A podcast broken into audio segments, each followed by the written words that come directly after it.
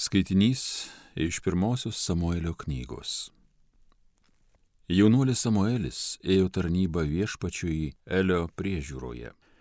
Anuomet viešpatie žodis retai pasigirsdavo, nebuvo dažni neregėjimai. Kartą Elis ilsėjosi savo gultę. Jo akis buvo mėguistos, jis nebegalėjo matyti. Dievo žiburys dar nebuvo užgesęs, o Samuelis miegojo viešpatie šventykloje kur stovėjo Dievo skryne. Ir pašaukė viešpats Samuelį, o tas atsiliepė aš čia. Tada Samuelis nubėgo paselį ir pakartojo, aš čia, tu šaukėjai mane. Bet Elis atsakė, aš tavęs nešaukiau, eik ir miegok. Tasai nuėjo ir vėl atsigulė miego. O viešpats antrą kartą pašaukė Samuelį. Tasai pakilo, nuėjo paselį ir tarė, aš čia, tu šaukėjai mane. Bet Elis atsakė, aš tavęs nešaukiau mano sūnau, eik ir miegok. Samuelis viešpaties dar nepažinojo, jam dar nebuvo apreikštas viešpaties žodis. O viešpats ir trečią kartą pašaukė Samuelį. Tasai atsikėlė, nuėjo paselį ir tarė, aš čia, tu šaukėjai mane. Tada tai Elis suprato, jog šaukęs jaunuolį bus viešpats. Ir Elis pamokė Samuelį, eik ir gulk miegoti. O jeigu ir vėl tave šauktų, tada atsliepk, kalbėk viešpatie, tavo tarnas klauso. Samuelis nuėjo ir atgulė į savo vietą. Ir viešpats atvyko, priejo ir kaip praeitais kartais sušuko Samueli, Samueli. Samuelis atsiliepė, kalbėk viešpatie, tavo tarnas klauso. Samuelis augo ir viešpats buvo su juo, ir ne vieno iš visų savo žodžių nepaliko neįvykdęs. Visas Izraelis nuo Dano iki Beršebos suprato, kad Samuelis yra viešpaties patvirtintas pranašas. Tai Dievo žodis.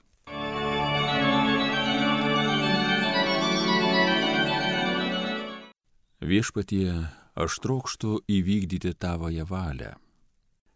Viešpaties aš laukte laukiau ir jis prie manęs pasilenkė meiliai. Į mano lūpas naują giesmę įdėjo, giesmę Dievui pagarbint. Viešpatie, aš trokštų įvykdyti tavoje valią. Tau nepatiko nei krovinos aukos, nei atnašos vaisių, bet atvėrė mano ausis, kad klausytų nenorėjai nei deginamų, nei atgailos atnašų. Tuomet aš tariau, ateinu. Viešpatie, aš trokštų įvykdyti tavąją valią. Knygoje apie mane parašyta, Dieve, aš trokštų įvykdyti tavąją valią. Tavo teisinas meilus mano širdžiai. Viešpatie, aš trokštų įvykdyti tavąją valią. Tavo teisumo paskelbiau susirinkimui, viešpatie tu žinai, kad aš netylėjau lūpą sučiaupęs.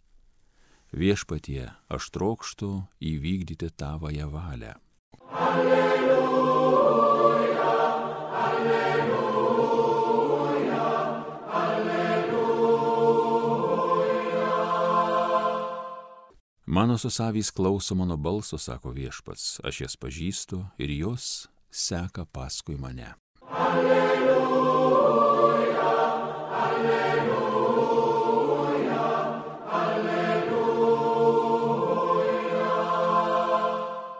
Iš Evangelijos pagal Morku. Išėjęs iš sinagogos Jėzus su Jokūbu ir Jonu iškart nuėjo į Simono ir Andriejaus namus. Simono uošvė gulėjo karščiuodama ir jie to jau apie tai jam pasakė. Jis prieėjęs pakėlė ją už rankos. Karštis paliovė ir ji galėjo jiems patarnauti. Atėjus vakarui, kai saulė nusileido, pas Jėzų sugabeno visus ligonius ir demonų apsėstuosius. Visas miestas buvo susirinkęs prie durų. Jis pagydė daugelį sergančių įvairiomis lygomis, išvarė daug demonų ir neleido demonams kalbėti, nes jie žinojo, kas jis. Labai anksti, dar neprašvitus, Jėzus atsikėlęs nuėjo į negyvenamą vietą ir tenai meldėsi. Simonas ir jo draugai nusekė iš paskos ir suradę jį pasakė, visi tavęs ieško. Jis atsakė, eikime kitur į gretimus miestelius, kad ir ten skelbčiau žodį, nes tam esu atėjęs. Ir keliavo po visą Galilėją, skelbdamas žodį jų sinagogose ir išvarinėdamas demonus.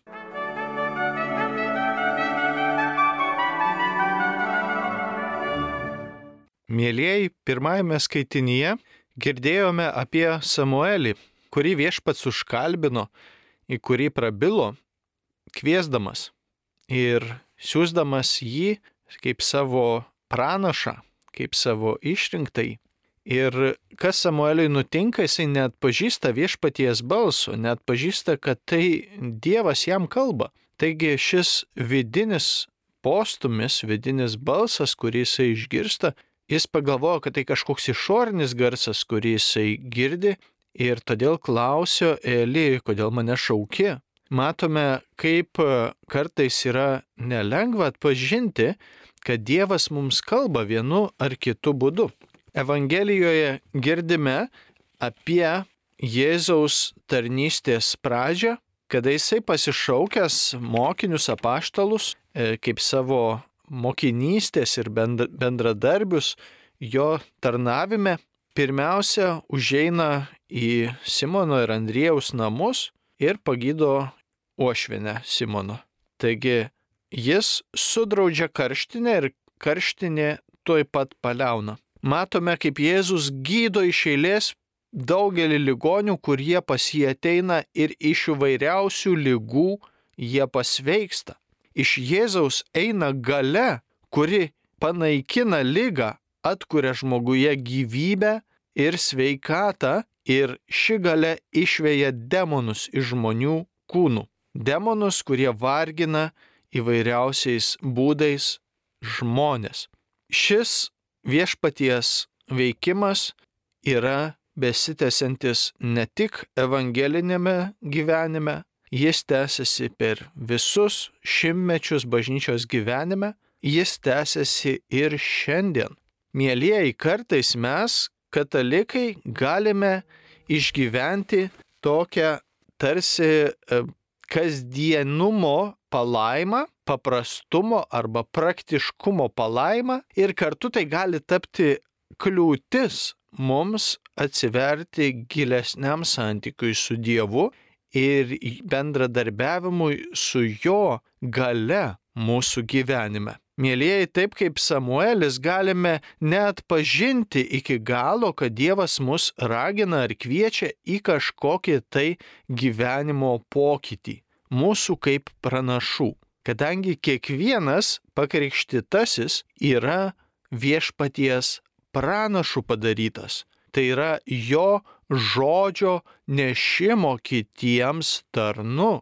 Ir įvairiausias tarnystės mus viešpats gali raginti ir kviesti. Mus dažniausiai nuo drąsos taip atsiliepti ir tarsi savo gyvenimu paskirti tokiam tiesioginiam Dievo įsileidimui į savo gyvenimą drąsos pritrūksta dėl įvairiausių rūšių baimių. Baimė, ką kiti pamanys, kuo aš čia save laikau, baimė, kad mano gyvenime kažkur reikės apriboti vieną ar kitą sritį, kurios gal norėčiau savo gyvenime daugiau turėti. Baimė, kad kažką prarasiu, kad e, bus daug vargo ar panašiai. Taigi, mėlyjeji, turime mokintis nepaisyti to, kad mus dalykai baugina arba mums dalykai nepatinka, kaip turėtų būti ir į pirmą vietą statyti tai, į ką mus viešpats kviečia. Ta ieškoti širdimi ir protu, kad viešpatie tu mums kalbėtum. Viešpats kalba dažniausiai arba mums įsąžinėje į mus prabildamas, arba per kitus žmonės, arba per aplinkybės vesdamas ir išvesdamas, arba dar būna ir kažkokiu tai ypatingų būdų jisai mums na, duoda suvokti kokius nors dalykus, bet tiesiogiai ir tikrai viešpaties kalbėjimas kaip jo tiesioginis žodis ir pamatas yra pats šventasis raštas, Dievo žodis, kurį ir šiandien mastome. Ir jis yra mums tiesos pamatas ir gyvenimo praktikos galimybė. Mėlyjeji, tai, ką matome prašyta Biblijoje paštlų laikais, mes galime mėginti ir, ir turėtume siekti įgyvendinti bent dalinai savo gyvenimu. Nes tai yra Evangelijos tikrovė, kuri yra mūsų laikmetyje lygiai tiek pat skirta Dievo, kiek ir tame laike. Taigi taip kaip Jėzus pasikvietė savo mokinius, kad jo sektų ir matytų mokiniai, kaip jisai gydo ligonius ir išvarinėja demonus, ir paskiau jis apaštalams pavedė tą patį daryti, jo vardu gydyti ligonius ir išvarinėti demonus, įsakinėti blogio dvasioms, kad jos trauktųsi iš žmonių gyvenimo. Mėlyjeji, lygiai tas pats yra šiandien. Mes taip pat esame kviečiami daugeliu atveju ir tai galioja visiems pakrikštytiesiems. Dievo vardu melstį su tikėjimu gydimo malonių ir išgydymo tiems, kurie serga mūsų aplinkoje, tikint, kad viešpats mumise realiai veiks ir gydys savo gale. Dievas yra mūsų gydantis viešpats. Taip pat esame kviečiami ir įsakinėti Jėzaus Kristaus vardu, kad piktoji dvasia trauktųsi iš žmonių gyvenimų. Ir tai taip pat galioja ne tik kunigams ir ne tik egzorcistams. Egzorcizmas yra jau oficiali bažnyčios praktika, kultas, kurį gali atlikti tik kunigas egzorcistas, tam paskirtas paties vyskupo. Tačiau prieš piktąją dvasę kovojame kiekvienas savo gyvenime tiek savo asmeninėje dvasinėje kovoje, tiek taip pat galime kovoti ir mūsų aplinkoje arba tai, kas vyksta ir kitų žmonių gyvenimuose. Ir tam nereikia nei kunigo šventimų, nei vienuolių būti ar dar kuo nors. Mūsų krikšto gale turime šį įgaliojimą ir mums paklūsta tai, kas yra tos dvasios. Jos bijo mūsų, mes jų bijoti neturime. Su nuolankumu žinoma, nepervertinant savo jėgų, nes tikrasis gale, šviesos gale, išlaisvinant ir, ir patraukianti tamsybės, sklinda tik iš Jėzaus, bet jis renkasi savo mokinius, kad tuo gyventų. Ir tą sakau, kad nereikia kunigo šventimų, nes lygiai taip pat atpažinau savo gyvenime daugybę kartų, taigi kviečiu išmėginti praktikoje, kaip tai veikia. Pavyzdžiui, kažkada dar prieš seminariją pradėjau tokius, tokią maldą, kad kartais melsdavau Jėzaus Kristaus vardu, kai atpažįstu kažkoje aplinkoje kažkokius negerumus, kad Jėzaus Kristaus vardu trauktųsi tos negerumus aplinkoje sukeliančios dvasios.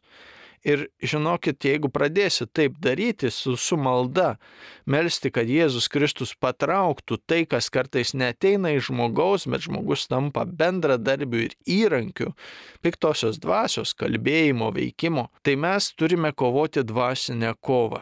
Pavyzdžiui, vienoje bendruomenėje, kurioje trumpai buvau, prasidėjo pašaipų laikas, kada visi apsibuvę vien su kitu, neturi ką veikti, daug reiškia tuo metu, ir pradėjo tyčiojimasis. Iš to, iš to pašaipos tapo kaip tokia norma.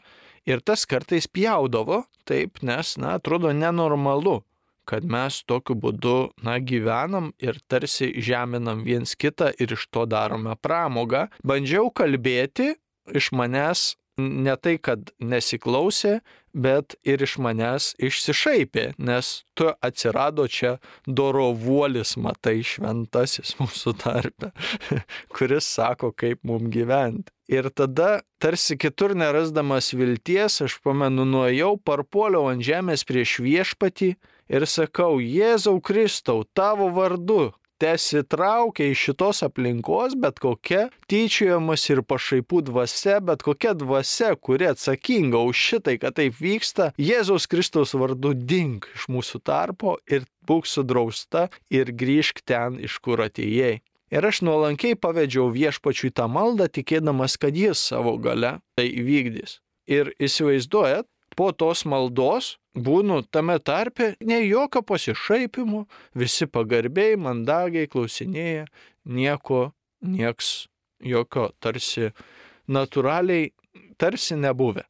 Taigi kai kurie dalykai mūsų gyvenime gali ateiti ne iš mūsų charakterio, ne iš mūsų asmenybių, ne iš mūsų kitoniškumo ar fiziologijos, bet turėti dvasinį pagrindą, negatyvūs dalykai mūsų visuomeniai, ypač destruktyvūs ir žmogų žalojantis ir mūsų santykius greunantis dalykai. Todėl mes kaip Kristaus mokiniai turime kliautis jo gale ir melstį išlaisvinimo melstį išgydymo su tikėjimu, kad viešpats gydys ir būti jo pranašais savo gyvenimo liudijimu. Kiekvienas pakrikštėtasis čia tikėjimo santykių asmeniniu ryšiu susiti su pačiu mūsų viešpačiu Jėzumi Kristumi.